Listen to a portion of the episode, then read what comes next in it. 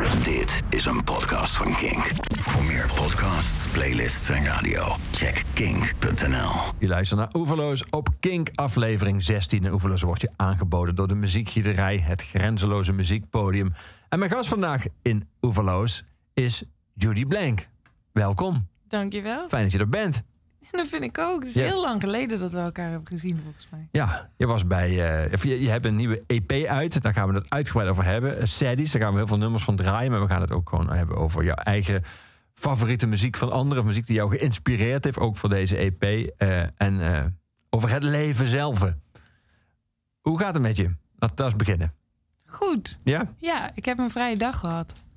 En Dat, dat, ik- dat zeg je alsof dat niet heel vaak voorkomt. nee, dat komt helemaal niet vaak voor. Dat is een beetje het probleem hè, met een muzikale carrière. Of nou ja, gewoon elke carrière waar je zelf je eigen bedrijf bent. Het houdt gewoon nooit op. Maar gisteren was bevrijdingsdag. Niemand antwoordde op mailtjes. En eh, het was zo lekker. En wat doe je dan? Wat doe je met een vrije dag?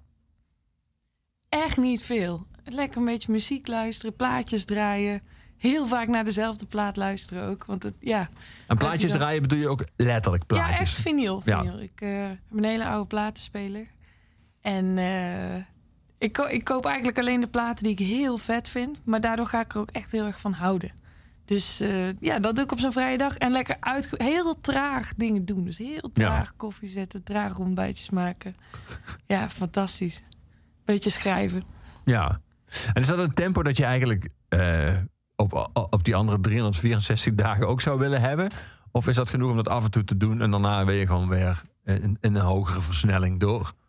Ik weet het niet zo goed. Ik ben echt in die zoektocht. Want elke keer als ik zo'n dag heb, en dat is ongeveer drie keer per jaar, dan, dan denk ik: wow, het is zo relaxed om vrij te zijn. Maar in het dagelijks leven gebeurt het gewoon niet zo vaak. Dat ik mezelf dat gun, of dat ik het gevoel heb dat het kan, of dat ik denk: oké, nu is echt een goede dag om kansen te laten liggen. Dat is natuurlijk heel verkeerd om zo te denken, en dat weet ik ook wel. Maar eh, dit is wel hoe de realiteit vaak is. Ik ben altijd bezig. Maar ik weet niet hoe dat ik dat eh, in de toekomst ga doen. Want zo ga ik het niet echt volhouden, denk ik. Ik denk gewoon beter plannen. Ja. Dan heb je het gevoel dat het dan moet? Moet je van jezelf dingen doen? Dan voel je je schuldig als je eh, lang niks doet? Heel erg. Hm. Ja, stom is dat, hè? Maar ik kan. Ik, ik gun het mezelf af en toe bijna niet om eh, een boek te lezen, bijvoorbeeld. Dan denk ik: nee, nee, nee, ik kan zoveel doen met deze tijd. Ik ga nu niet een boek lezen. En dat is heel erg, maar dat wordt een gewoonte. En eh, ja, het is gewoon keihard werken om een, om een carrière in de muziek levend te houden. Ook superleuk trouwens hoor. Dus ik begin gelijk met klagen. Welkom in de podcast. Nee, het is geen beklag, maar het is wel... Nee, het is gewoon De realiteit, realiteit. ja. En heel veel mensen weten dat niet, of die zien dat niet, of die zien alleen dat je op een podium staat en iets nieuws uitbrengt. Maar die zien niet al het werk wat daar aan vooraf gaat. En eh, Hoort dat ook bij het gewoon zelf doen? Want je zou natuurlijk alles uit de handen kunnen geven en over kunnen laten aan, aan anderen. En dan heb je waarschijnlijk minder werk, maar heb je ook minder controle. Dat klopt. En ik vind die controle uit de handen geven vind ik echt lastig. Want ik ben best wel perfectionistisch en ik stel gewoon hele hoge eisen aan mijn muziek, maar ook aan mezelf en hoe, hoe het eruit ziet. En eh, ja, ik wil daarin gewoon serieus genomen worden. En daarom werk ik heel erg hard. Maar ik weet wel, ik heb nu wel een beetje geaccepteerd. Oké, het wordt gewoon te groot. En ik moet dit gewoon echt wel met meerdere mensen gaan doen. Wat ga je als eerste uitbesteden? Nou, zoveel mogelijk regelklusjes. Dat is één, dat is één ding. Nou, dat is gewoon belangrijk. Ik, ik kan iets. Ik kan namelijk liedjes schrijven en ik kan mooi zingen. Eh, eigenlijk al twee dingen dus. Eigenlijk al twee dingen. En dat, ja, dat weet ik en daar ben ik heel blij mee. Maar feit is dat daar gewoon heel weinig tijd voor overblijft. Op het moment dat je, ja, dat, dat je alleen maar een soort laptopbaan hebt. Want dat is wat het is. En niet alleen dat, je bent ook een soort content creator altijd. Maar dat is nooit waarom ik dit ben begonnen. En ook toen ik begon met muziek maken, ongeveer negen jaar geleden, toen, eh, ja, toen ik daar net mee begon, toen was dat hele social media ook echt niet zo'n ding als dat dat nu is. En eh, ja, ik moet dat navigeren. Ik weet het niet, want het verandert ook de hele tijd. En ergens wil ik niet helemaal meedoen met die zombie-maatschappij, snap je wel? Van die reels en zo kort mogelijk. En eh, ja, zeg maar, ik wil niet cateren aan de super smalle aandachtsboog van mensen. Ehm, maar ja, ik moet echt even uitvogelen hoe ik dat het beste kan gaan aanpakken. Ja. En is natuurlijk ook, het, je, zei het al, het verandert de hele tijd. Als je dan eh, je Instagram-profiel perfect op orde hebt, blijkt opeens TikTok het nieuwe Instagram. En ben je al een soort halve fossiel als je nog op Instagram. Alsof je, alsof je nu ook met een Hives-profiel aankomt. Ja, ja. Dat gaat heel snel. Precies dat, ja. Precies dat. Nou ja, en wat je zei over hoe zou je meer van die vrije dagen willen hebben. Ja, dat is zo. Want als ik nu terugkijk naar de afgelopen vijf jaar bijvoorbeeld. Het is best wel schrikwekkend om te zien hoeveel tijd ik daarvan op mijn telefoon heb doorgebracht, bijvoorbeeld. Zoveel tijd. Zoveel tijd kijkende naar een schermpje. En kijkende naar wat andere mensen doen om geïnspireerd te worden om zelf iets te doen op dat schermpje. Ja, Ja, voor, de, voor de luisteraar, bij geïnspireerd eh maakt hij de twee... eh, Quote unquote. Precies. Ja, ja, ja. Ik moet daar echt wel. eh, ja, ik zoom de laatste tijd steeds meer uit. Dan denk ik, wow, dit is best intens. Weet je, we, het is gewoon mijn, mijn 20s. Hoe ga ik die indelen op een manier dat het gezond blijft? En ik weet dat ik niet de enige ben die daarmee zit. Weet je, we zijn allemaal verslaafd aan die telefoon. Af en toe denk ik echt, dit is echt de duivel. Ja, en dat denk ik dan nadat ik er vier uur op heb gezeten. Laten we een nummer draaien dat daar misschien wel voor een deel bij aansluit. Laten we beginnen met het openingsnummer van jouw EP. I'm a Mess. Lately, I've not been myself at all. I just keep crashing into walls. Guess it's hard to keep on flying when you don't Always moving way too fast. I'm not good at getting rest. Only time I see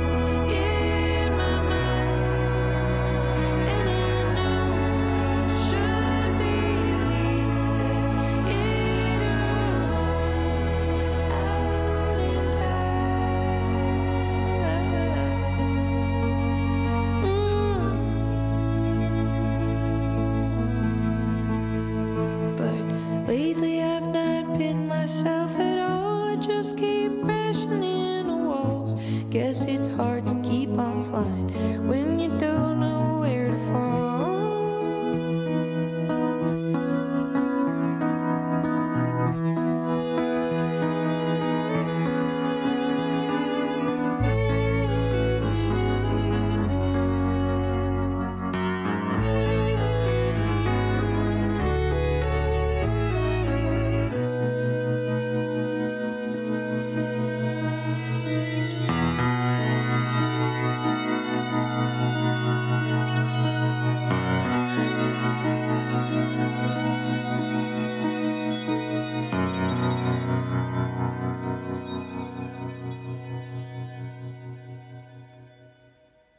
Dat was het eerste nummer. Het openingsnummer van je EP. Was het ook het eerste nummer dat je schreef voor deze EP?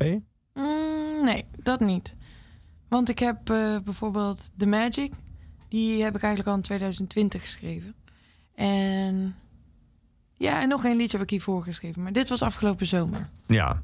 Het klonk niet alsof het, als het ook maar enigszins autobiografisch is, dit nummer, klonk dat niet als de beste zomer van je leven. Nee, dat was het ook zeker niet. Nee, het was echt een heel, heel taaie zomer. En eh, ik ben echt altijd super optimi- optimistisch geweest mijn hele leven. En ik- ja, heel erg opgegroeid met zie de zonnige kant. En daarmee heb ik heel veel voor mezelf recht gepraat. Ook wel een soort van problemen niet echt ge- gefeest. Maar ja, maar deze zomer ehm, was alles eventjes te veel. En nou, de aanstichter daarvan, een beetje, was een, eh, iets wat eigenlijk heel leuk had moeten zijn. Ik was namelijk geboekt voor mijn eerste Engelse festival. En dat was echt gelijk een groot festival. Robert Plant speelde daar, Wilco speelde daar. Zo. Ja, Welk festival? Hoe heet dat festival? Black Deer Festival in Kent. En eh, ja, het was echt fantastisch dat ik daar geboekt was. Ik dacht, wow, wow, wow. Ik had ook al best wel veel showcases gedaan. Of nou, best wel veel. Twee. Ik had twee showcases gedaan in Engeland. En die waren gewoon super goed gegaan. En dit was echt de kers op de taart. Weet Ja. je? Meestal begin je met allemaal kleine dingetjes. En nu had ik in één keer dit festival. En ik was hier eigenlijk al in 2020 voor geboekt. Nou ja, dat ging niet door. Dus dat was al teleurstelling. Maar toen was ik in 2021 weer geboekt. Want dat is En- geen vanzelfsprekendheid. Niet alles schuift automatisch door van zo'n festival. Je moet echt Nee, opnieuw nee, geboekt worden. Ja, zeker. En als dan de organisator vindt dat je er nu niet bij past of zo, of dat er andere relevantere acts zijn. Ja, is heel pijnlijk, maar, Ja. maar zo, zit het, zo zit het wel. Maar ik was nog een keer geboekt. Ik was nog steeds relevant. View. Dus ik helemaal blij ehm, dat ik daar mocht spelen. Alleen in die tijd was Engeland echt super moeilijk eh, om daar naartoe te komen. Want je mocht daarheen, ehm, maar je moest per se van tevoren eh, negen dagen in quarantaine. Je moest in die negen dagen moest je iets van drie keer testen. Van tevoren moest je ook testen. Je moest alles zelf betalen. Eén test was ongeveer 90 pond. En als je er dan eerder uit wilde testen, dan kon je een extra test doen. Dus ja, reken maar uit. Het was heel erg duur. Maar ik, ik had gewoon alles op alles gezet om, de, om dat festival te spelen. Klinkt daar nu al een soort van verhaal uit een oude wereld die ook al heel ver geleden lijkt, wat die helemaal niet is. Nee, Negen dit is, dagen nog, dit is nog geen jaar Nee. geleden. En, maar Engeland ging toen heel lekker. Wij gingen heel slecht. We waren ook heel traag met al die vaccinaties. Weet je wel? Dus dat had ik ook nog niet. Eh, want daar was ik nog te jong voor. Weet je wel? Ze ging zo naar beneden Ja. tellen. maar ik dacht... Maar ja, het gaat mij niet gebeuren dat dat festival wel doorgaat... en dat ik er niet speel. Ja. Want het, ja, het zou gebeuren. Want eh, Engeland zou helemaal open gaan. En het weekend daarna zou dat festival zijn. En ik ging daarheen. Ik had een plek gevonden waar ik negen dagen in quarantaine moest. Wat is een goede plek om negen dagen in quarantaine te gaan? Nou, ik zat dus helemaal in de countryside, zo net buiten Brighton was het. En het was super mooi. En ik ben stiekem wel naar buiten geweest. Maar het was wel heel heftig. Want je werd gewoon elke dag gebeld door, een, door de NHS op je telefoonnummer. Ze moesten weten waar je was. Je had echt iemand aan de telefoon die vroeg: Zit je op je plek? Zit je op dit adres? Ben je gezond? Heb je je dag drie test gedaan? Nou ja, sorry hoor, maar dat was zo intens. Je voelt je wel echt een gevangene. Want als je dus je telefoon niet opneemt, ze bellen maar één keer per dag, dan kon er gewoon een NHS-officer komen kijken of dat je op je plek zat. En als je dat niet zat, dat je gewoon een boete van 3000 pond Maar ze bellen ook op een vast nummer, omdat je alleen daar kan opnemen? Of? Op je eigen. Oké, oh. Ja. Maar ja, als je even naar de wc bent of zo, Ja, dan kun je die opnemen. En dan heb je dus al de kans dat die, dat die mensen komen. ze horen op de achtergrond meeuwen en het ruisen van de zee. Dan weet je zeker dat... Hoe gaat zo'n gesprek? Zijn die mensen wel vriendelijk of niet? Nee, niet echt. Ja, die, maar die doen dit de hele dag. Ja. Het was gewoon een soort callcenter. Kijk, Ja. het waren ook maar gewoon mensen die dat vanuit huis deden. Vanuit India. Precies. Nou, volgens mij wel. Maar die, die hadden gewoon... Ja, die vonden het niet per se heel leuk om dat te bellen. Die hadden gewoon een riedeltje. Ja. En een lijst met waarschijnlijk 50 mensen die ze moesten bellen op Ja. een dag. Maar ja, ik vond het vrij intens. Ik voelde me ik. een beetje gevangen. Ik mocht daar niet weg. Ehm, en Maar alles voor de cause. alles voor de cause. Maar op de dag dat ik daar aankwam, eh, hoorde ik dat Engeland nog niet open zou gaan. En dat alles gecanceld zou worden. En dat was dag één van mijn eh negendaagse quarantaine. En ik dacht, wow, dat is wel heftig. Maar ja, ik ben hier nu toch. Ik heb nog geen terug eh, of zo. En ik had wel één andere show in Londen nog. En ik wilde die wel spelen. Dat was de dag na die quarantaine. En toen heeft, hebben de mensen die wisten dat ik op dat festival zouden spelen, die een beetje uit de UK community, de muziekcommunity kwamen, die hebben allemaal een soort kleine houtje jou- touwtje optredens geregeld die we last minute nog kunnen doen. konden doen. En dat Je waren zegt we, met hoeveel waren jullie toen dan? ik en een vriend van me, Dylan Earl, uit Amerika. Want die was ook helemaal overgekomen voor eh, dat festival. Want hij was ook geboekt. Die En werd ook wij- elke dag gebeld. die werd ook elke dag gebeld, ja. Vrij intens.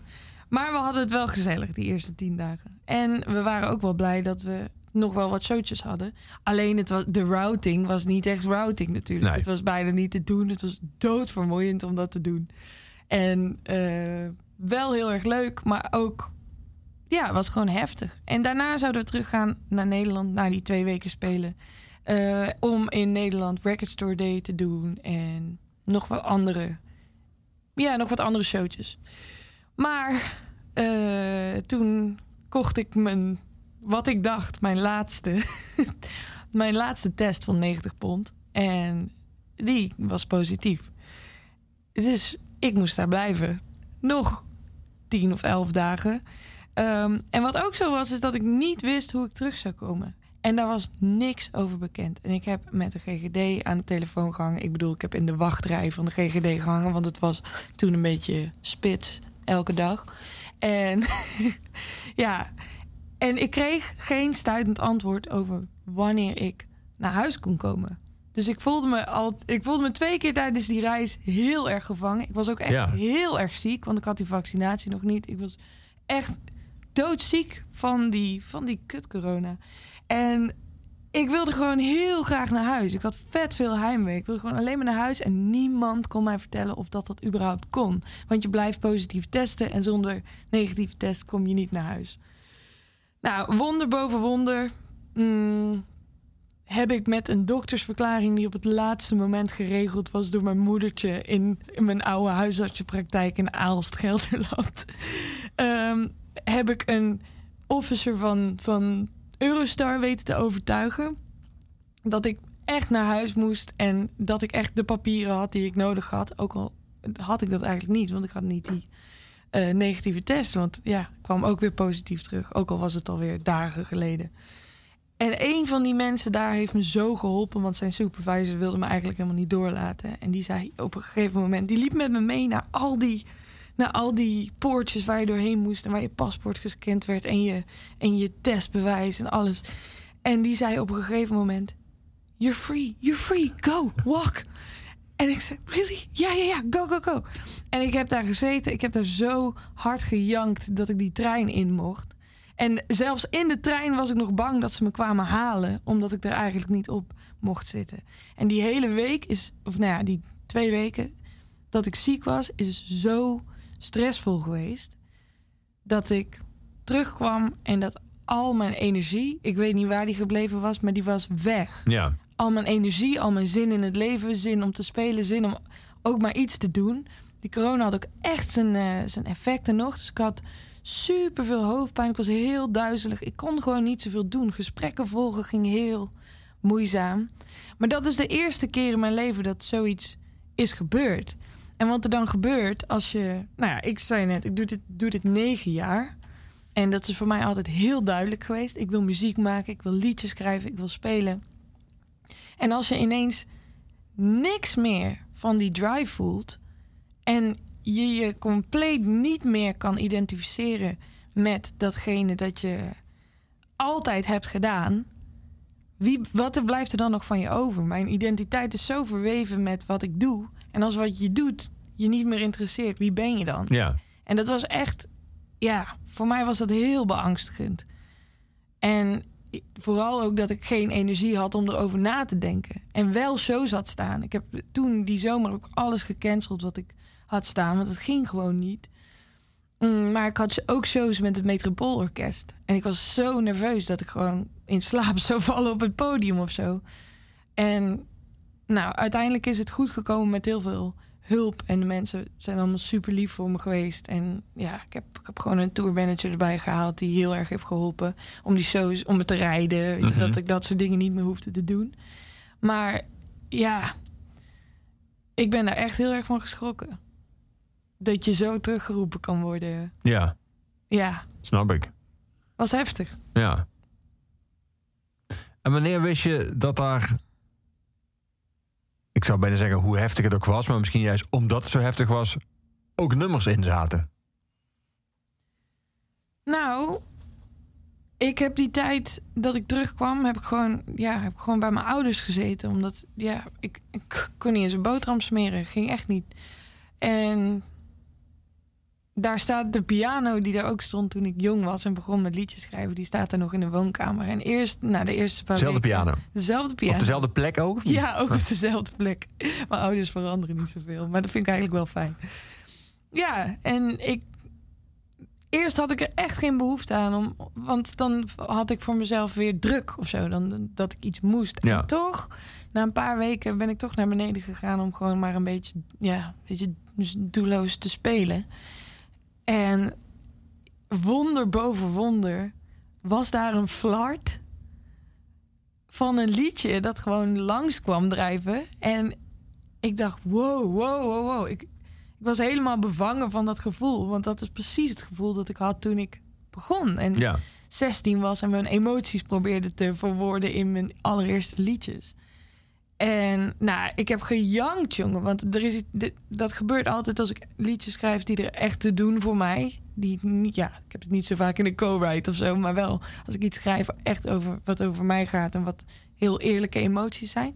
Dan, dan zit ik gewoon heel dicht bij die emotie. Omdat, omdat muziek versterkt dat. Ja.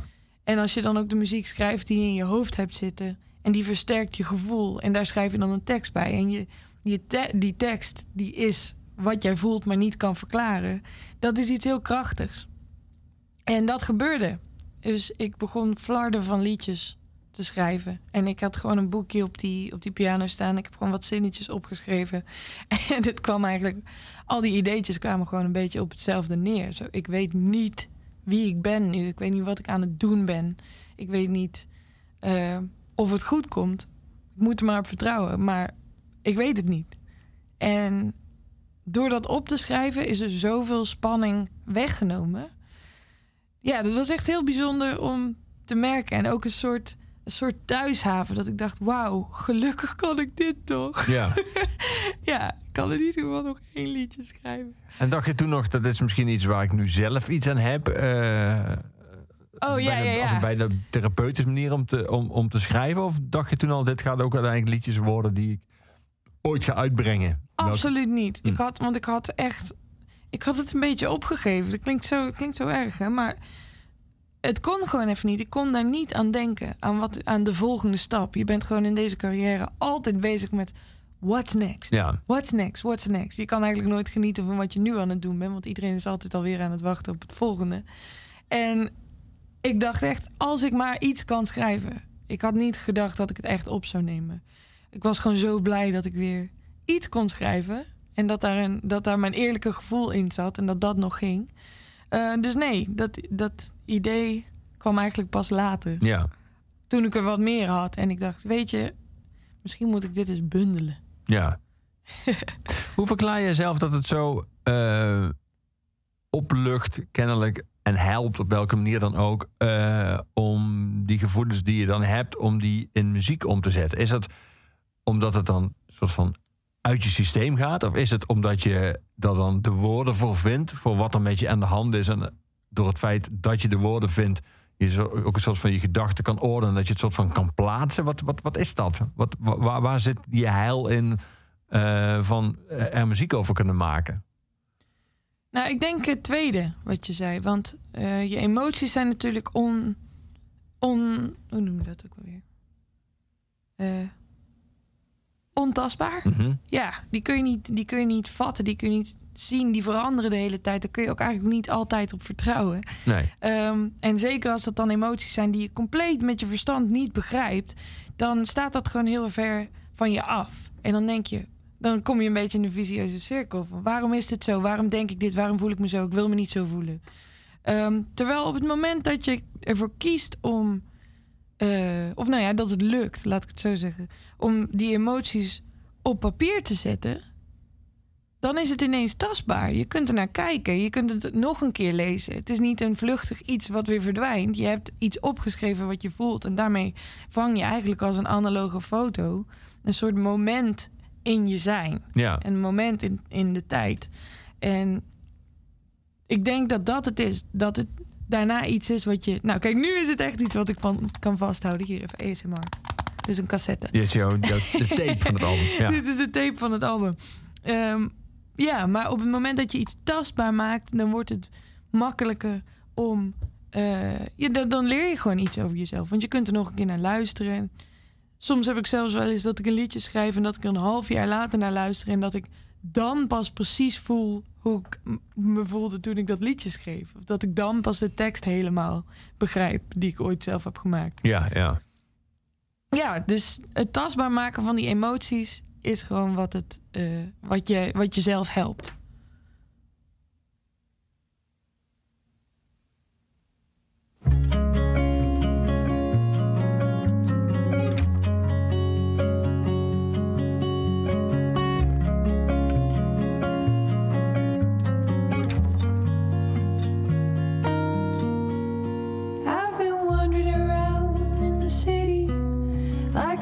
I got nowhere to go. Chilly face in this place doesn't fit me. Way too greedy and big, but you know. It's a good place to meet with a stranger or a possibly pretty old friend. All the kids in the park look like rangers. 10 out of 10 recommend nowhere to be.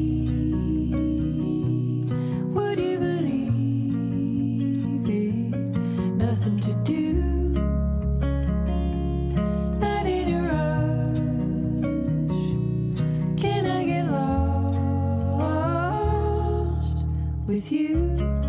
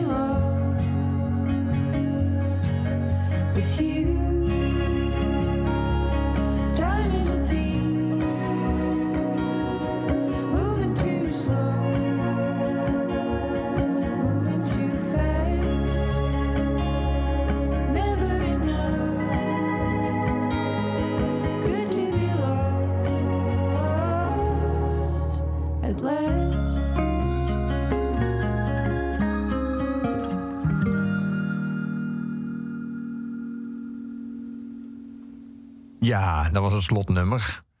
Ehm, de single, eh, karaoke. Hoe, hoe, kom je, hoe kom je bij die tekst? Want daar zit wel een soort van, daar zit wel een soort van zelfspot in. Zelfspot en wereldspot, denk ik. Ja, Nou, dat is wel heel grappig. Ik heb dat liedje dus geschreven eh, het weekend voordat ik naar Engeland zou gaan.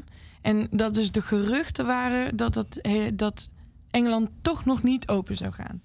En ik was zo klaar met alles. Ik dacht, ik zet de hele tijd alles op alles om deze carrière in stand te houden en om de kansen die ik krijg aan te grijpen. En het wordt me gewoon de hele tijd ontnomen. En natuurlijk niet alleen ik. Dat, en niet alleen mij, dat zou heel egocentrisch zijn. De hele wereld had daar last van. ja, Ehm, maar je ploetert maar en je ploetert maar om dingen, eh, ja, om dingen te doen. En je kijkt naar dingen uit. Je denkt ook, ik denk dat we ook allemaal heel erg veel hoop hadden voor 2021. Eh 2021 wordt ons jaar. Ja. ja, nou ja, en dat was even een dikke domper met die hele avondklok en zo. Ehm, maar ik dacht echt, oh ja, in de zomer, alles ging weer een beetje de goede kant op. Ik dacht, oké, oh, en ik aan dit festival, ik ga, ik ga Black Deer Festival spelen. En toen hoorde ik dus dat het misschien niet door zou gaan. En toen dacht ik, ik ben er even helemaal klaar mee. En toen heb ik mijn eh, Engelse vriend James Walker gebeld. En ik zat met hem aan de telefoon en ik zei... ja, hoe is het nu in Engeland? Want ja, ik word er zo moe van. Ik wil gewoon zo graag daar naartoe. En nou lijkt het nog weer alsof het niet kan. En toen zei ik tegen hem... man, I just want to do some living before I die. En toen zei hij... That's a song. en eh, die avond ben ik thuisgekomen en ben ik gewoon gaan zitten met mijn gitaartje. En heb ik gewoon echt precies opgeschreven hoe ik me op dat moment voelde. En dat was gewoon super cynisch, sarcastisch. Ik had er echt geen zin meer in. Maar ik wilde dat niet. Ik ga, ik ga nog geen boze liedjes schrijven of zo. Want ja, dat doe ik niet echt. Ehm, Grappig is dat je dat zegt, want dat bepaal je natuurlijk zelf of je dat doet. ja, nee, nee, heb, nee. je Ik dat, zit, heb je dat ooit besloten, dat woede buiten jouw eh, emotionele rijkwijde van jouw muziek valt? Nee, nee, nee, dat is het niet per se. Maar het- oké, als je bijvoorbeeld. Eh, ik vind het heel fascinerend dat er heel veel artiesten zijn die bijvoorbeeld v- vet serieuze teksten kunnen zetten op hele vrolijke muziek. Ik vind, dat, ik vind dat gewoon heel interessant. Bijvoorbeeld Caroline Rose doet dat heel erg goed. Die snijdt gewoon superveel eh, politieke thema's aan. Heel beladen thema's. Maar je zingt het allemaal mee en dan Ja. denk je later pas... Oh ja, Dancing Dit- in the Dark van Bruce Springsteen. I know, ja, heel zijn- goed. Ja, Dat, en, en dat vind ik altijd heel interessant. Dus eh, die contrasten in muziek vind ik, vind ik heel erg eh, inspirerend. Dus voor Sadie's is dat natuurlijk ook... Kijk, ja, ik wilde ook absoluut niet... dat ik heel verdrietig op die foto zou staan van, van het artwork. Want ik weet niet, dat is dan geen contrast. Oké, Nee. dan breng je een zielig plaatje uit met een zielige foto in zwart-wit. Weet je wel, dat wil ik dan niet. Daarom is alles in pastelkleuren. Ja, ik vind dat gewoon leuk. ja. En dat was met dat liedje ook een beetje zo. Dat ik dacht, ja, ik ga het gewoon heel vriendelijk opschrijven. Hoe ik me voel. Zodat het heel toegankelijk is voor iedereen. Ehm, maar eigenlijk zit er een ondertoon in die, ja, die we allemaal wel voelen. Namelijk dat we er helemaal klaar mee zijn. ja. Ja, Je zei net, toen, na dat telefoongesprek, eh, die avond pakte ik mijn gitaartje. eh, maar toen je net over die tijd dat je even terug bij je ouders was, dan stond dan nog die piano van vroeger op diezelfde plek. Maakt dat veel uit of je op een gitaar of op een piano schrijft? Ja, voor mij wel. Ja, ik eh, ben in 2015 echt gitaar gaan spelen. Toen zat ik drie maanden in Amerika ook. Ik zat toen in Louisiana. En ik gaf... Ik had een stage geregeld. Ik wilde gewoon heel graag naar Amerika en ik had daar mensen ontmoet. En eh, ik had een stage geregeld op een basisschool. En die, ja, die kids hadden heel veel muziekles. Maar die, ja, het was een hele arme school. Dus er, was, er waren geen instrumenten. En er was voor mij ook geen piano.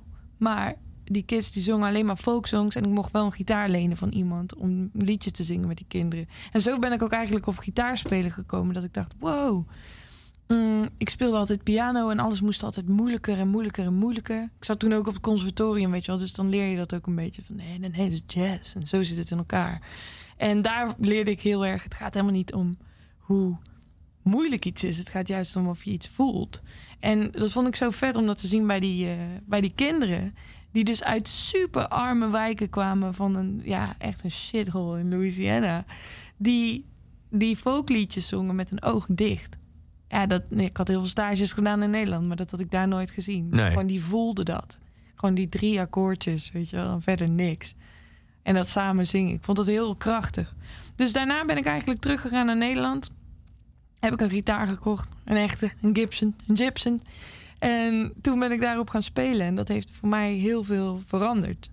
Dat maakte ook dat ik veel dichter bij mijn eh, muziek stond, voor mijn gevoel. Ook, ook op het podium. Want als je een gitaar vasthoudt, dan kijk je gewoon over de mensen heen. Je kan ermee lopen. Je kan veel meer contact maken. Ja. Ik heb ook echt het idee dat mijn shows pas echt goed zijn geworden nadat ik gitaar ben gaan spelen. Maar ik, ik kan nog steeds piano spelen. En eh, ja, ik doe dat ook wel als ik, vooral als ik schrijf voor anderen ook. Dan gebruik ik de piano wel veel.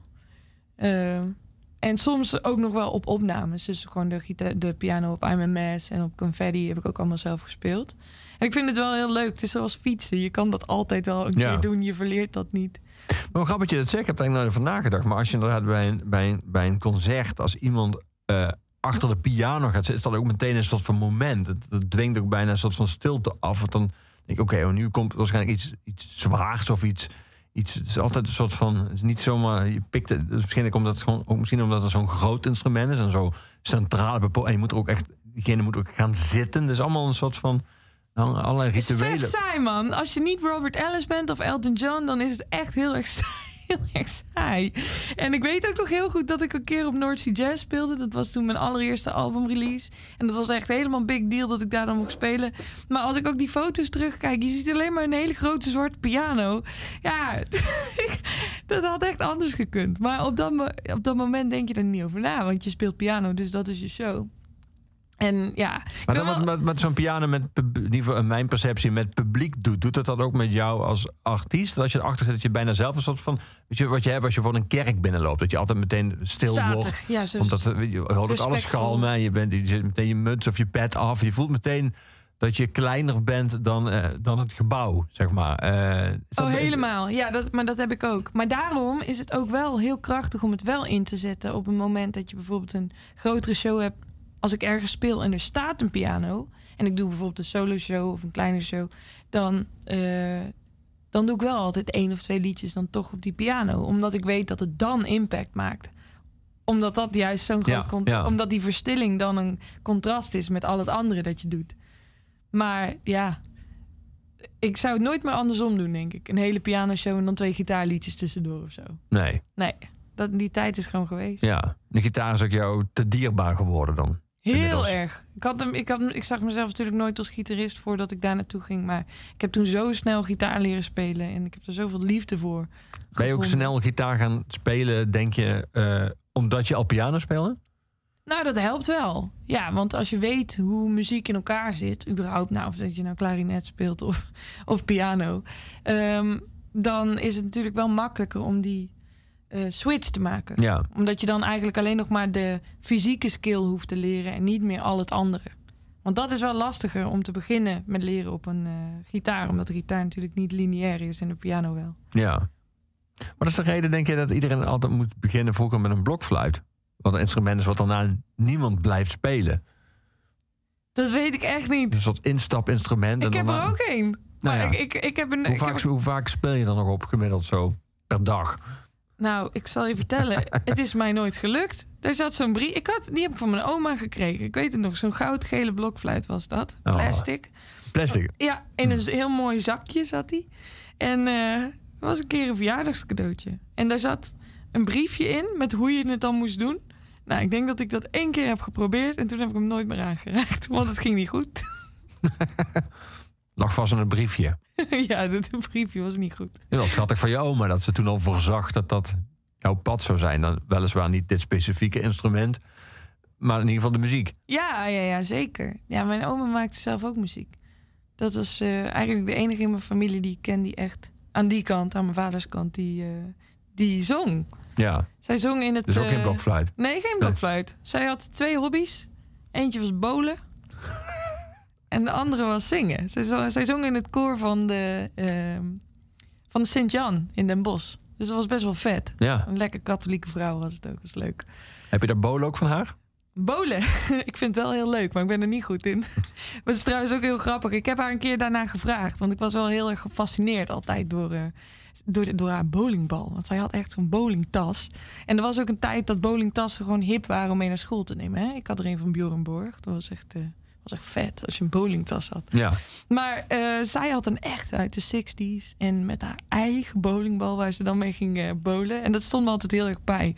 En ik weet nog dat ik veel ouder was en dat ik daar een keer aan dacht van... oh ja, oma bowlde altijd. En dat ik haar vroeg...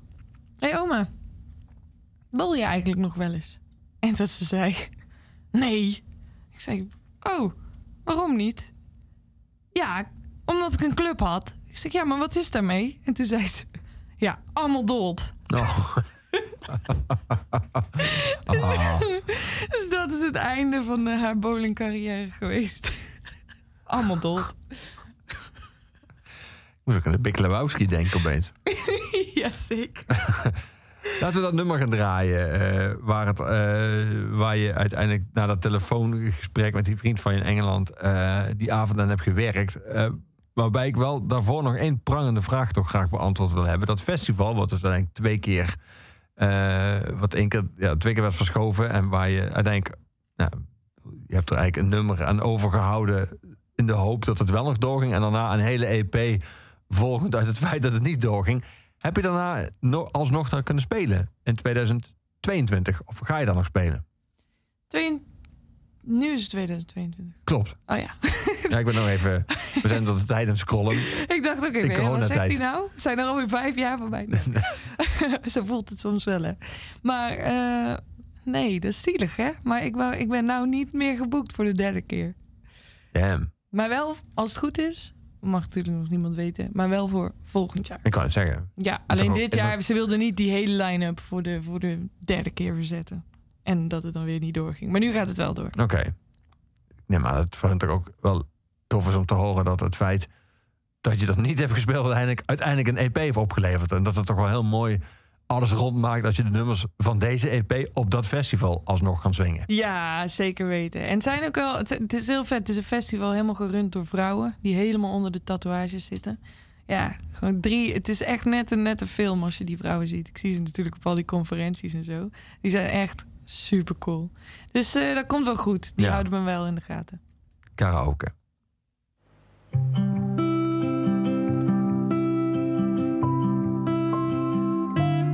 Wouldn't it be nice to be in a bar on a Saturday? Just a couple of drinks, but a pretty face. Make out with a stranger, flake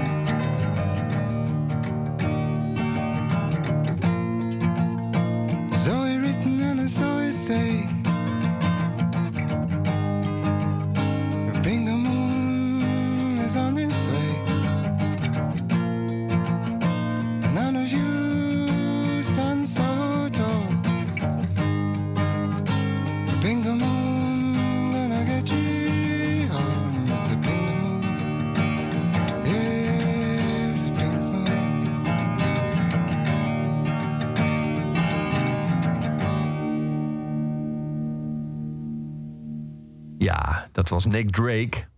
Pink Moon. Ehm, grote inspirator. Zeer zeker. Ja, dit heb ik echt bijna elke dag aanstaan. Ik vind het zo mooi. Die al zijn platen, maar vooral deze. Ik vind dit echt, echt een van de mooiste liedjes die er bestaan. In zijn simpelheid, maar also in de sfeer. Zo, hoor je dat? Also in de sfeer. Ook in de sfeer. Ja. Sorry, ik heb een Amerikaan over de vloer. ik denk dat het daardoor komt. Ja, de sfeer vind ik prachtig. Gewoon de... Ja, zijn muziek is zo authentiek en zo eigen. En eh, ik kan daar echt uren naar luisteren. Prachtig. En dan staat op repeat of is dat een plaat? Dan zet je dat de plaat opnieuw op. Nou, ik heb een rare gewoonte dat ik heel vaak de plaat niet omdraai, maar dan gewoon de A-kant of de B-kant gewoon heel vaak luister. En dan denk ik, nou, ik heb hem nu al heel vaak gehoord. En dan draai ik hem om. Is dit uit luiheid of uit... eh, Nee, dan denk ik, ja, ik wil het eigenlijk nog wel een keer horen. maar dit liedje ken ik. eh, de, de allereerste keer dat ik dit hoorde was eh, bij Anne Soldaat thuis. Die heeft dit een keer laten horen. En dit was ook in 2015, toen ik dus terugkwam en gitaar aan het spelen was. En hij Ja. heeft me toen in het begin heel erg geholpen met mijn liedjes en eh, wat opnametjes. En we hebben veel samen gespeeld.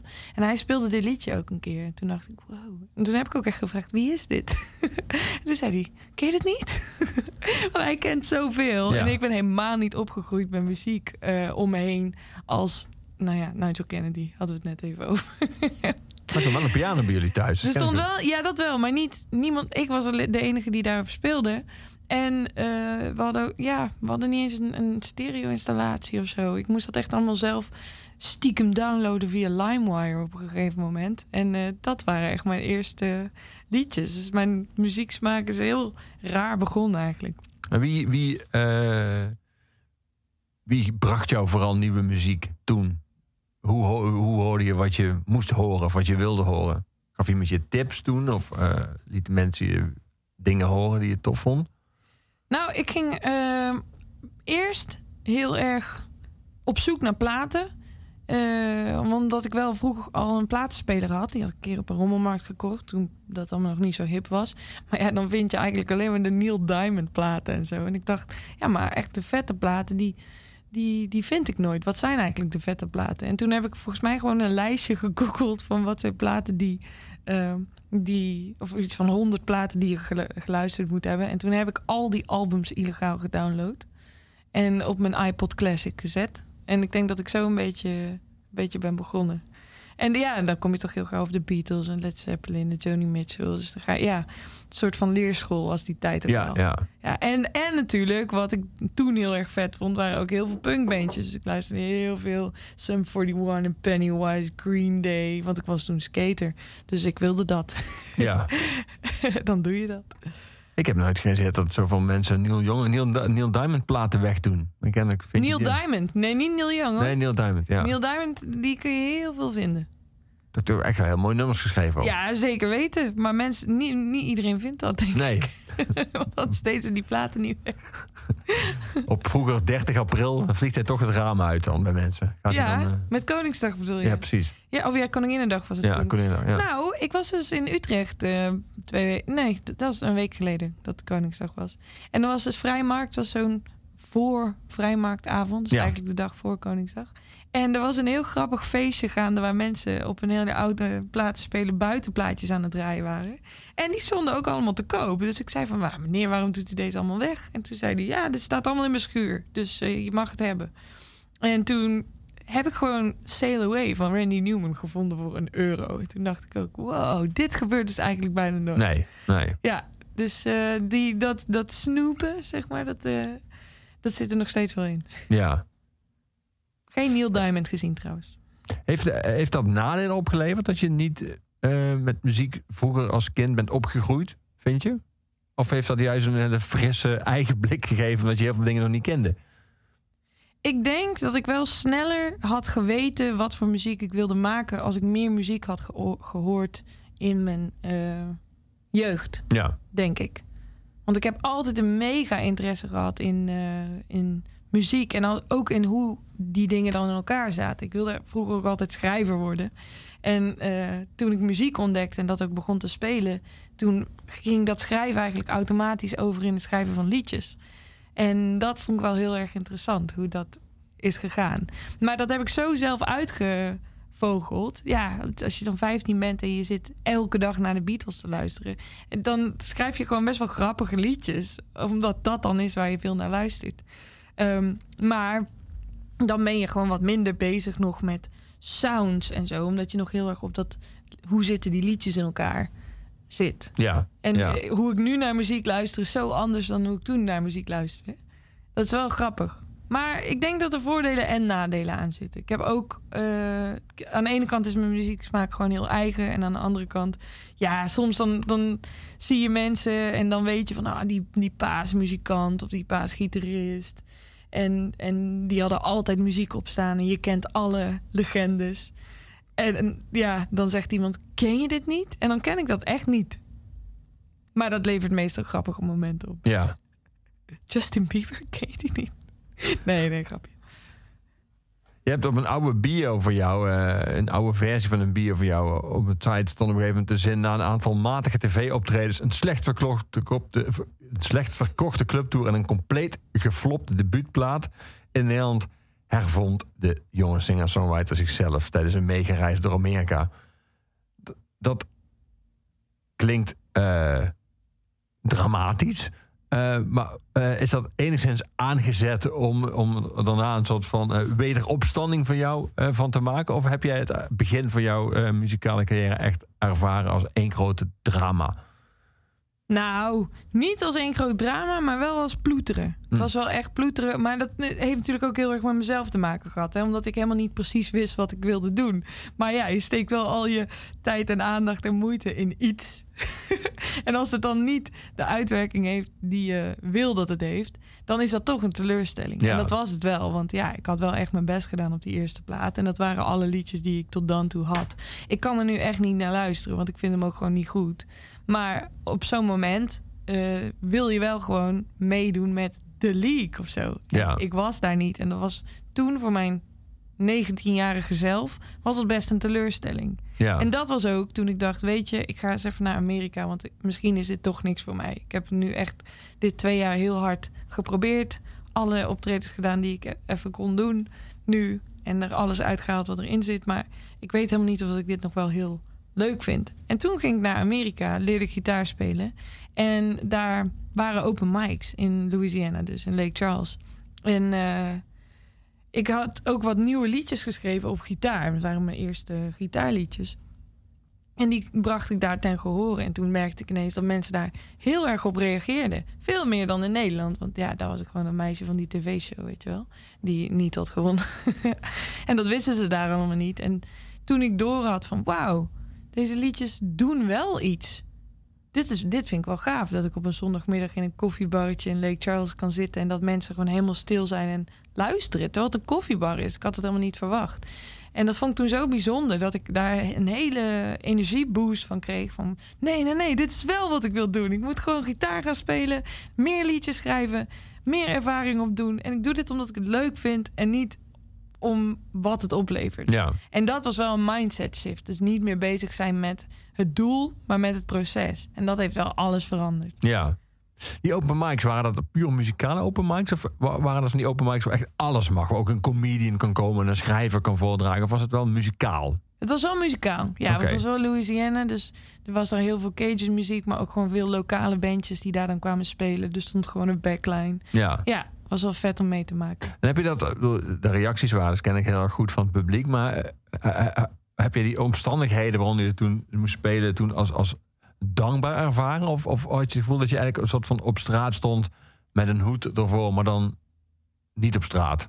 Met een dak erboven. Wacht, in Nederland of in... Daar, die open mics. Nee, ik, ik deed dat gewoon omdat ik dat wilde. Ik, wil, ik wilde gewoon die nieuwe liedjes die ik had geschreven testen. En ik weet nog heel goed, dit was in een plek die heette Luna Live in Lake Charles. En dat is echt een beetje zo'n zo'n straatje uit een, eh, uit een western film, zeg maar. De downtown.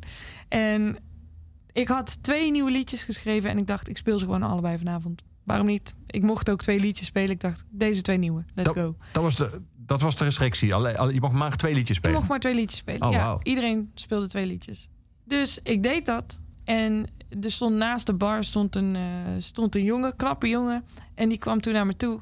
En eh, die zei, I really like that song. Would you like to play it on the radio? En ik dacht, wat? Word ik hier nu echt gevraagd om op de, op de radio te spelen? Door een knappe jongen. Door een knappe jongen. In Amerika? Wat? En in Nederland moeten ze me allemaal niet hebben, maar ik mag hier gewoon op een radiostation spelen? Ja, dat wil ik. Let's go. Dus ehm, een paar dagen later ben ik dus eh, naar zijn studio gegaan. Dat was toen College Radio. Hij was, hij was de, eh, ja, de radiohost van McNeese Radio. En dat was daar de universiteit. En dat was heel vet, want het was op de campus. En eh, ja, gewoon ja, een beetje studio zoals deze. Gewoon best wel goed opgezet. En daar mocht ik dan live komen spelen. En ik had een paar cd'tjes bij, dus die had ik hem gegeven. En ja, ik spreek hem nog steeds af en toe wel eens. Maar dat was dat. Toen, Misschien... Ik vond bijna zo'n aanloop naar zo'n verhaal. En toen zijn we getrouwd in En toen Vegas. zijn we getrouwd in Vegas. Inderdaad, je raadt het al. Nee, nee, nee. Maar het was wel echt iets wat mij heel erg eh soort vertrouwen gaf. Want ik Ja. was dat ook wel een beetje kwijt. Je, als je alles op alles zet om een bepaald iets te doen en dat lukt niet. En dan denk je, oh, ik kan dit niet. En dan ineens ben je aan de andere kant van de wereld, in het land van je dromen. Want Ja. ik heb altijd al een enorme hang naar Amerika gehad. En dan, dan komt er ineens iemand naar jou toe die iets doet. En vanaf dat moment had ik een bepaald soort nieuwsgierigheid. Die eh, er echt voor heeft gezorgd dat ik, dat ik dit heb kunnen blijven doen. En het altijd leuk ben blijven vinden. Omdat ik altijd benieuwd was wat er nog meer zou kunnen. Ja. Ja, We hadden net over die piano. Hè? Wat er zo'n piano doet eh, met het publiek en ook met jou als artiest. Hoe werkt dat met zo'n open mic? Wat doet dat? Het feit dat, dat iedereen weet dat iedereen daaraan mee mag doen. En dat je ook weet dat je maar twee nummers mag doen. Wat voor, wat voor sfeer geeft dat? Zijn mensen heel erg enthousiast? Of, zijn- of, of is het me- meer zo dat je in principe gewoon als behang speelt. En als je gelukt hebt, valt het mee? Hoe moet ik me voorstellen eh, hoe het publiek zich dan verhoudt tot, die artiesten? Want je weet niet wie je krijgt. En je weet ook dat eh er veel mensen zullen zitten die, die bijvoorbeeld net beginnen. Of die, het, die in ieder geval niet die avond ook zelf op eigen naam een show daar kunnen uitverkopen. Dus wat, hoe, moet ik me dat voorstellen? Wat voor, wat voor verhouding geeft dat tussen eh, artiesten en het publiek daar?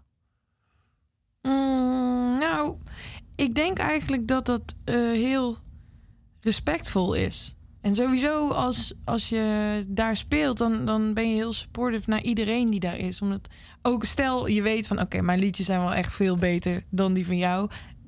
Mijn liedjes waren ooit ook niet zo goed. En toen stond ik ook bij deze open mic. Of bij een open Ja, mic. ja. Dus je gunt elkaar heel erg dat podium. En iedereen is heel supportive en wil elkaar helpen. En eh, Je kijkt ook naar alle anderen. Je speelt niet Zeker. twee nummers en gaat daarna weg. Ja, en soms ben je ook gewoon heel erg geïnspireerd door iemand die wel heel erg goed is en dan toevallig gewoon in town is om even zo'n open micje te doen. Dat was in Nashville heel erg het geval. Er waren echt goede mensen bij die open mics. Ik heb er wel veel van geleerd ook.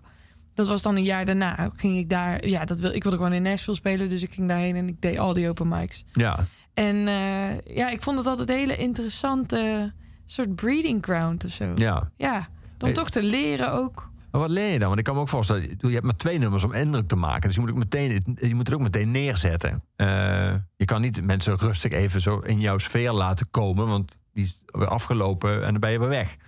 Eh, merk je dat het mensen juist, eh, soort van, dat het heel goed werkt om heel dwingend op te komen, bijvoorbeeld heel meteen met het publiek te communiceren? Of werkt het juist het beste om eigenlijk heel bijna stil erin te glijden, dat je ze min of meer erin lokt? Hoe, eh, Nou, ik ben een prater, dus voor mij werkt dat heel erg. en er Daarom was geen restricties aan het aantal minuten dat je mocht praten, vooral. Nee. Oké. Nee, kijk. en dan nam ik ook echt, daar maakte ik gretig gebruik van. dus ik, vertel altijd grapjes op het podium. Of ja, dan zei ik dat ik uit Nederland kwam en dat vonden ze allemaal heel interessant. Dat mensen bij een open mic na een kwartier roepen: play a song. Play a song, play a song, girl. ja, en eh, dus ik maakte altijd wel een beetje contact met het publiek. En omdat ik zoveel had, ja, een beetje had afgekeken, je ziet ook heel goed wat niet werkt. Ik weet Wat, ook wat werkt bijvoorbeeld niet? Nou, ik, ik weet dus bijvoorbeeld dat... eh ja, er is in Nashville natuurlijk heel veel country, echt. En ook tijdens die open mic zijn heel veel mensen die er countryster willen worden. En ja, ik eh, zat er dan met mijn folkliedjes. Maar mm, country is heel simpel en kan ook echt, echt heel vervelend zijn. En de, ja, de, mensen, de meeste mensen hadden ook niet echt hele goede gitaren of zo. Weet je, want daar, daar ben je dan nog niet dat je een Gibson koopt. Ehm, ik, ik weet nog heel goed dat ik naast een meisje zat en die had de gitaar niet goed gestemd. Die was gewoon vals. Ze had een hele harde stem. En het liedje was echt alleen maar... King, king, king, king, king, king, king. Op die valse gitaar. Ik heb er halverwege het nummer nog een, nog een tuner gegeven... maar dat wisten ze eigenlijk ook niet dat ze die moest gebruiken. En dan zie je de mensen wegcringen. Die zie je gewoon een beetje... Ik hoop dat dit snel voorbij is. Want je zit daarnaast op een podium. Want die open mics zijn eh, zo opgezet... dat je met z'n allen in- ja, op een rijtje zit. Oh. En dan om zijn beurt een Dus liedje mensen speelt. kijken ook eigenlijk via jou, via de mensen om iemand heen naar de artiest. Dus Ja. als jij gaat zitten gapen bijvoorbeeld, dan Ja, verstoor jij eigenlijk de show van die anderen. precies. Ja. Ja, en als, je, als het een heel simpel liedje is, kun je een beetje harmonies meezingen of zo. En dat is dan wel weer heel leuk. Maar ja, ik heb daar wel echt dingen gezien dat ik denk, wow, dit is niet cool. Gewoon of te hard in de mic zingen. Dat je, dat je mensen gewoon een beetje ziet, ah, dit is niet fijn voor mijn oren, man.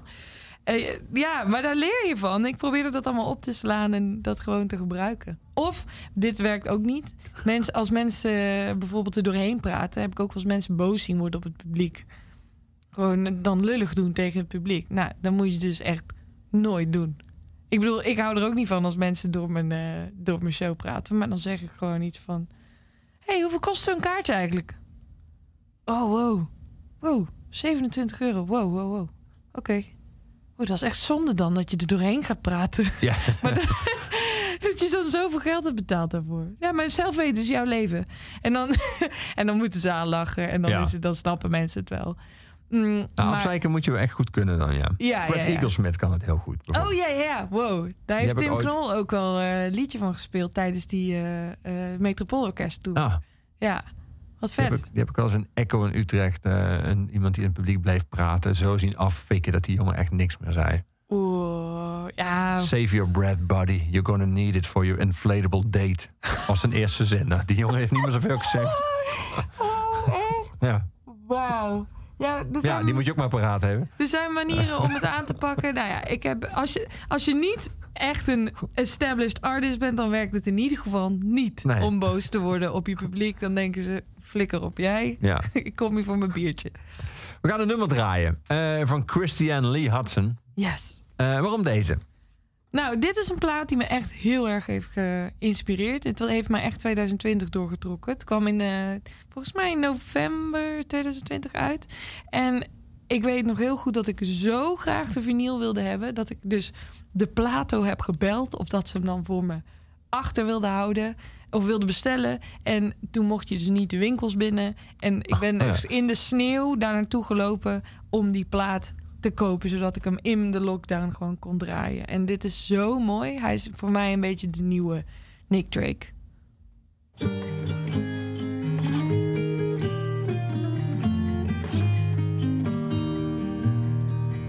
On our initial descent into Chicago, Katie leans over my lap, looking out the window of the house we were kids in. She says I hated it then, but now I kinda miss it. Mm. Shirts in the microwave, trash in the sink, quarters in a mason jar for every time she smokes. She says if we keep this up, girls, in no time we'll be broke.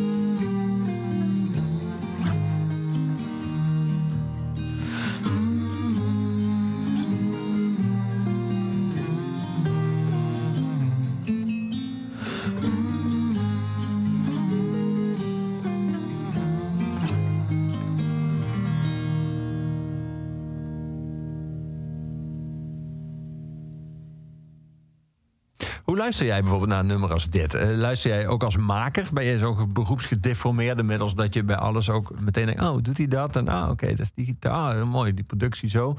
Of kun je wel nog een soort van helemaal onbevangen in eerste instantie naar muziek luisteren en pas daarna gaan analyseren? Nou, het is eigenlijk andersom. Want kijk, ik kan niet uitzetten dat ik ga luisteren naar hoe, hoe iets klinkt. En hoe eh, bijvoorbeeld de akkoorden zijn. Daar kan ik heel erg van genieten bij hem. Hij heeft best wel veel van die beetje Randy Newman-achtige overgangetjes. En eh, ja, hele mooie melodietjes. En dan denk ik, wauw, wat lost dat mooi op of zo. Of, eh, of die harmonie, dan ga ik die meezingen. En denk ik, oh, dit zit echt ingewikkeld in elkaar. Maar het klinkt zo smooth. Dat, dat doe ik dan eerst. En daarna luister ik die plaat dus de A-kant voor, de Ja, 27 voor de 27ste keer. En dan ga ik nog een keer luisteren en dan denk ik... Als ik gewoon het luister terwijl ik met iets bezig ben... dan kan ik echt heel erg genieten van... Oh ja, ja, ja. ja. Oh, en dan gaat hij hier dit doen. Oh, Ja, wat mooi. Oh, wat mooi. Als je zo vaak eh, bij platen eh, één kant achter elkaar draait en daarna dan omdraait aan die andere kant ook, hoor je natuurlijk ook het verschil. tussen vroeger had je, was het best wel eh, toen zeg maar, de albums in eerste instantie oorspronkelijk op vinyl verschenen. eh, was het echt een verschil tussen een A- en een B-kant. En je ziet nu ook bij bands die dan een bepaald aantal jaren geleden een album hebben uitgebracht, dat album integraal gaan spelen. Dat je vaak toch wel een soort van vaste dingen ziet. Je hebt het openingsnummer, meestal nummer 2 en 3 waren de singles. Eh, bij sommige bands zie je ook wel dat op het eind van kant A iets soort van. Als er dan een soort vuller is, staat hij op het eind van kant A of het zevende of achtste nummer van kant B. En het slotnummer is dan altijd wel weer een soort van. Je ziet er wel een soort van mechanisme. eh, omdat jij veel vinyl draait en heel vaak één kant. Heb je gemerkt, is er een verschil in het algemeen tussen kant A en kant B? Ja, ik heb het idee dat kant A wel heel erg altijd is om mensen te overtuigen. En dat kant B gewoon iets meer is, iets meer vrijheid wordt genomen. En dan een hele goede opener heeft en een hele goede afsluiter. En dat daar tussenin een soort van de speling zit. Ja. En ja. zo kijk ik zelf natuurlijk ook een klein beetje naar de spanningsboog van, eh, van liedjes.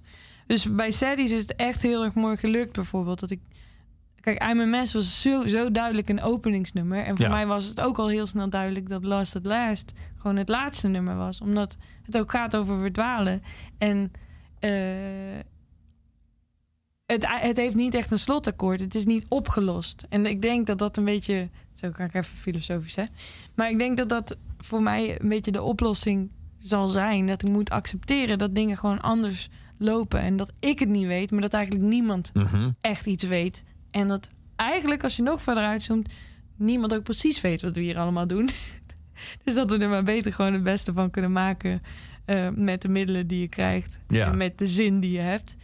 Ehm, dus dat was voor mij heel erg duidelijk om dat zo te doen. Mhm. Je pakt nu joh, dit ticket Ja, als een bandje. ik zit even te kijken hoe dat ik het ook weer heb gedaan.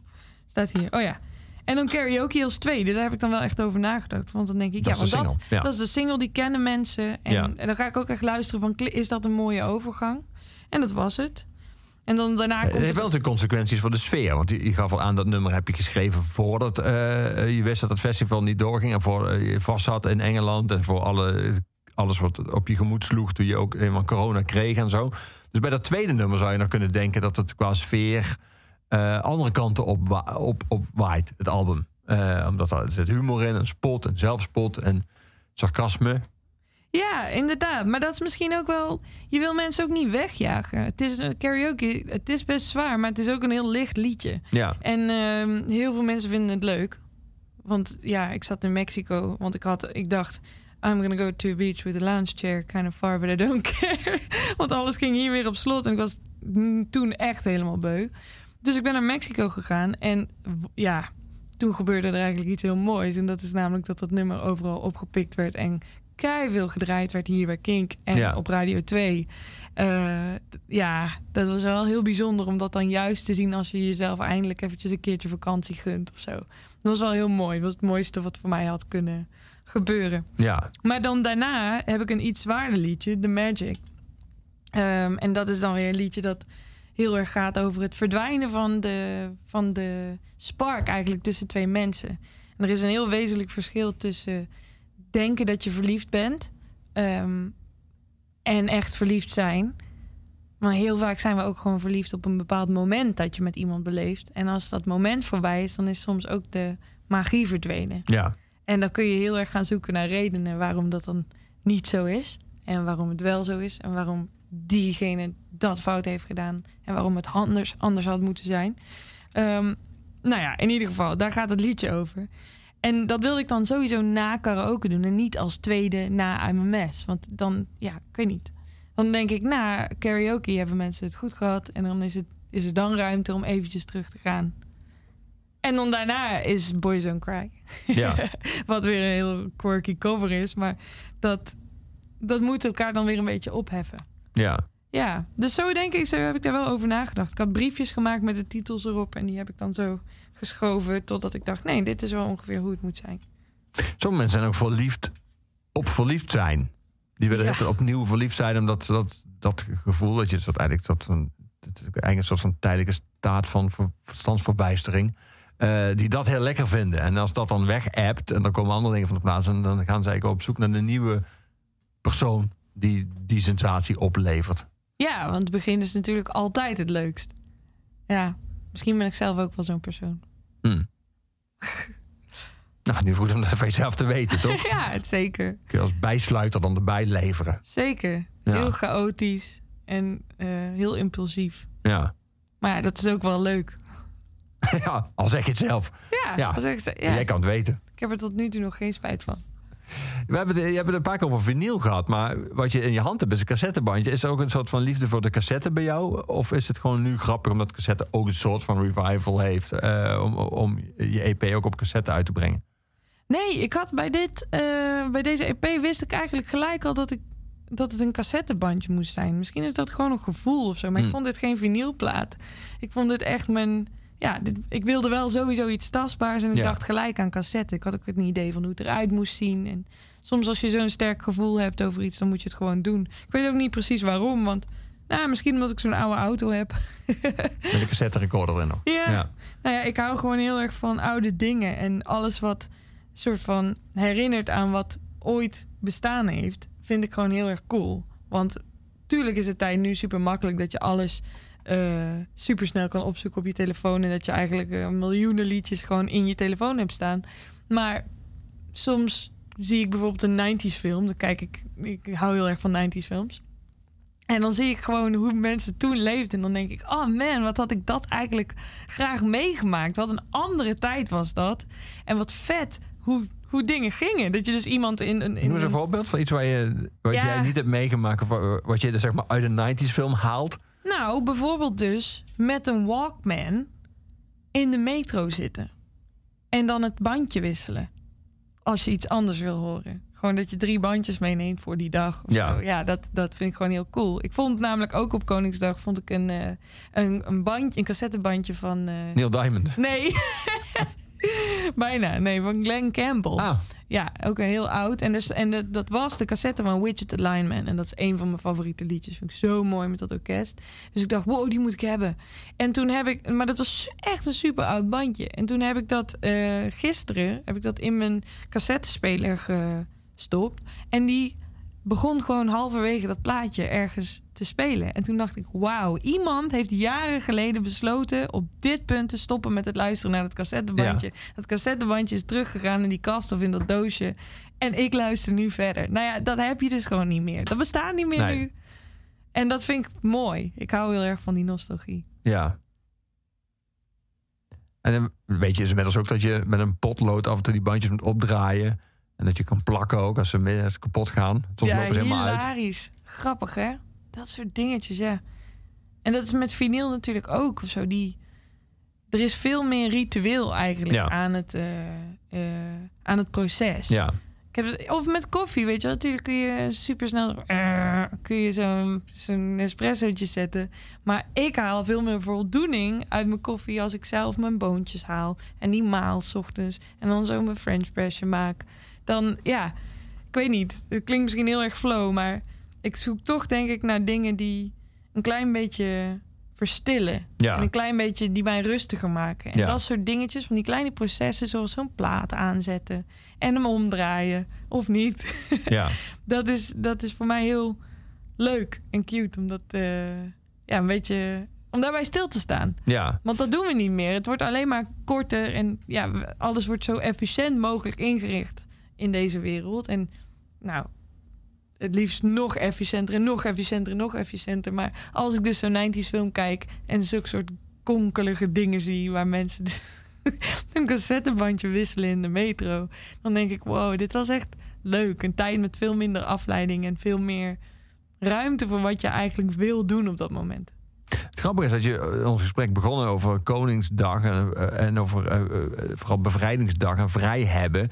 En dat je toen aangaf van dat je wel lekker vindt zo'n dag, soort van laag tempo, maar dat de dag daarna gaat eigenlijk gewoon weer terug in de versnelling. Maar dat je het kennelijk wel fijn vindt om eh, je te omringen met, eh, met soort van rituelen, zou ik bijna zeggen. Zoals de plaat en de koffie en het bandje, die, bijna, die, die dat bijna afdwingen. Want jij kan misschien niet rustig aan doen, maar je zal wel moeten. Want je moet toch even die plaat omdraaien. En die, als je die koffie zo wil zetten, zul je daar tijd voor moeten vrijmaken. Ja, zeker. Nou, ik denk dat dat, dat wel ook key is. Ik denk dat ik wel weet wat ik moet doen om eh, iets rustiger te zijn. Maar soms zit er Oude veel... spullen kopen. Oude spullen op sowieso. Ja, Rommelmarkt Bruchem, 21 mei, staat al in mijn agenda. Is trouwens zijn de beste, hè? De rommelmarkten die eh, niet in de stad zijn. Waar je gewoon echt nog hele goedkope dingen kan kopen. Dat vind ik echt leuk. En ook andere dingen? Ja, ik... eh, Als een merk je het verschil tussen het leven in de stad en buiten de stad aan de spullen die je op een rommelmarkt tegenkomt? Zeker. Ik Ja? heb bijvoorbeeld in mijn huis staat een eh Formica setje. Ja, ik weet nog dat ik dat kocht en dacht, wow, dit is echt een hele vette staat. Het komt gewoon uit de jaren 60 en het, is- het is nog zo mooi. En daar heb ik toen ook nog, nog zes stoelen bij gekocht. Gewoon losse, ook Formica stoeltjes. Die heb ik inmiddels weer verkocht, maar dat was toen echt 20 euro. En die mensen wisten echt niet wat het waard was. Nou, dat is voor mij echt een sport. En eh, daar heb ik zoveel plezier van, toch? Dat, daar zit, dat is gewoon mijn tafel. Ja. Ja. En in de stad zou dat gelijk dan vintage zijn. En eh, kost dat 300 euro, omdat het niet meer gemaakt wordt. Maar En, ja, en toch denken mensen in al die kleine dorpjes in de buurt van Zaltbommel, waar ik dus vandaan kom, die denken gewoon: dit is troep, dit moet weg. Ja. wij, willen, wij, willen van, wij willen naar de IKEA. Verschil tussen troep en vintage. Dat is wel een, mooie, een mooi verschil tussen stad en eh, bu- buitengebied. Ja, ik Ja. Ben, ben blij dat ik het nog kan combineren. Dat ik, eh, ik, ik hou heel erg van Utrecht. Ik voel me ook echt Utrechter. En ik word ook echt heel erg omarmd door die hele stad. Maar af en toe is het zo lekker om in die jeep te stappen en gewoon lekker naar, de, naar het platteland te rijden en mijn ouders op te zoeken. Een beetje over die dijkjes te crossen. Daar Ja. kan ik heel erg van genieten. Ik ga nog één nummer draaien, een keuze van jou. Eh, iemand die jij kent. Eh, eh, zeg ik Annika? Annika. Annika. Annika Bennett. Ja, Only Emotion heet het nummer. Ehm, hoe ken je haar? Zij heeft een tijdje in Nashville gewoond en was eigenlijk de vriendin van mijn beste vriendin daar. En we zijn nog steeds vriendinnen met z'n drieën. En zij is inmiddels naar LA verhuisd en schrijft daar echt best wel grote pophits. En haar eigen muziek die ik echt super, super goed vind. En eh, met haar heb ik de Magic geschreven. Mhm. En ja, zij is toch wel iemand die ik even wil laten horen aan de hele wereld. Ja. Je zegt, met haar heb ik de Magic geschreven. Dat is iets wat, iets wat natuurlijk heel erg op is gekomen. Zeker de laatste jaren. Dat je samen, allerlei samenwerken. En ook schrijverskamp en schrijversdagen waar je elkaar... Ehm, voelt dat anders? Voelt een nummer dat je met iemand hebt gemaakt samen... of misschien zelfs in een soort samenwerken... Die, waarbij je eigenlijk een kamer instapt met drie mensen die je eigenlijk niet kennen... en dan drie uur later heb je een nummer. Is dat, een- is dat een ander nummer voor jou e- emotioneel... dan een nummer dat je thuis op je gitaar... of bij de, op de piano van je ouders hebt ge- geschreven? Sowieso, Ja? ja. Maar dat zijn echt inderdaad twee hele andere dingen. En ik vind het wel echt super leuk om voor andere mensen te schrijven. En ik denk dat het eh, ligt aan degene die het proces in de gaten houdt en degene die het liedje uiteindelijk wil uitvoeren. Dus stel, ik schrijf met een schrijfster. mm, nu was het bijvoorbeeld vorige week Feline. Ook echt een super fantastische singer-songwriter.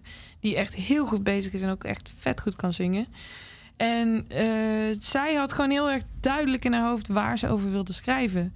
En ik had heel veel leads om daar eh, iets mee te doen. En zij, ja, als ze het dan ergens niet mee eens was, dan kan ze dat gewoon heel duidelijk aangeven. Mm, maar uiteindelijk zijn we allemaal met z'n drieën waren we, waren we gewoon bezig om haar verhaal te vertellen. En dan, ja, dat vind ik zo leuk om daaraan mee te werken. En ik had het ook met bijvoorbeeld met Duncan. Met Duncan heb ik eh, zijn laatste kerstliedje geschreven. En ook dat was, was zo mooi. Dat je gewoon op elkaar heel erg een soort van aanspoort om, om met een nog beter idee te komen. Van ja, die bridge is goed, maar die kan beter. En dan ga je jezelf gewoon uitdagen. Omdat je weet dat je met twee killer schrijvers zit te schrijven. En dan komen er soms onder druk hele mooie dingen uit. Pressure makes diamonds. Niet altijd, maar wel soms. Ja. En hij was er super blij mee. Dus ja, dan ben ik ook blij. Maar voor mijn eigen liedjes merk ik wel vaak dat, ehm, dat alleen schrijven het beste werkt. Of ik schrijf de muziek zelf, want dat staat gewoon het dichtste bij me. En als ik dan niet uit de woorden kom, dan schakel ik hulp in. En dat was in dit geval van Annika. Dus ik, zet dan, ik stuur dan een opzetje en zij stuurt dan een stukje terug. En soms lees ik dat en denk ik: wow, dit is inderdaad exact wat ik wilde zeggen. En dan Ja, stuur ja. ik weer iets. Ja, en uiteindelijk is dat liedje dan af en heb je iets waar je heel blij mee bent. En met deze voelt het wel als iets dat ik dat zo dicht bij me staat dat ik het gewoon zelf heb geschreven. ja. Maar ja, het is wel vet dat ze eraan mee heeft geschreven. Laten we naar haar gaan luisteren met haar nummer Only Emotion.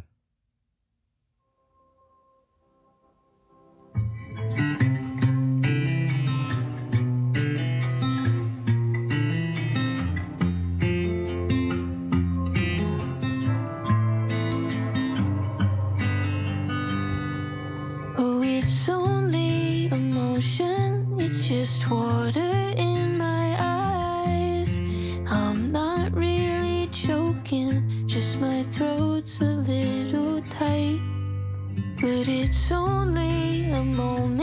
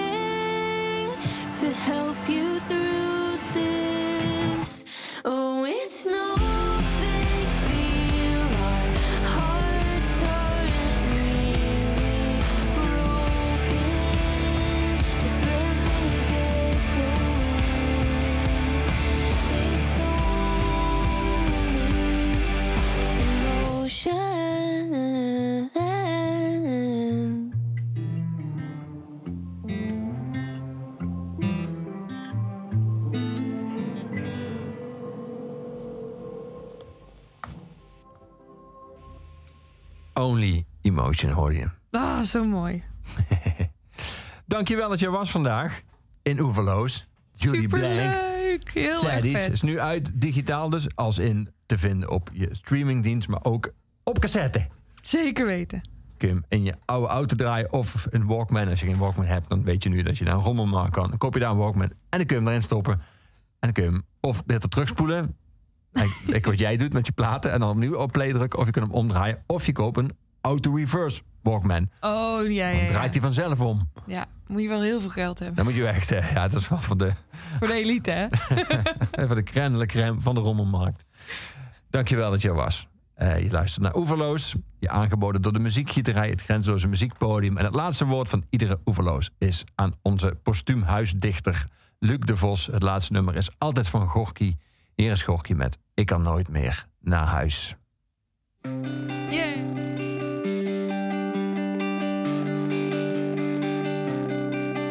De zon komt op en ik kijk om mij heen. Ik ben in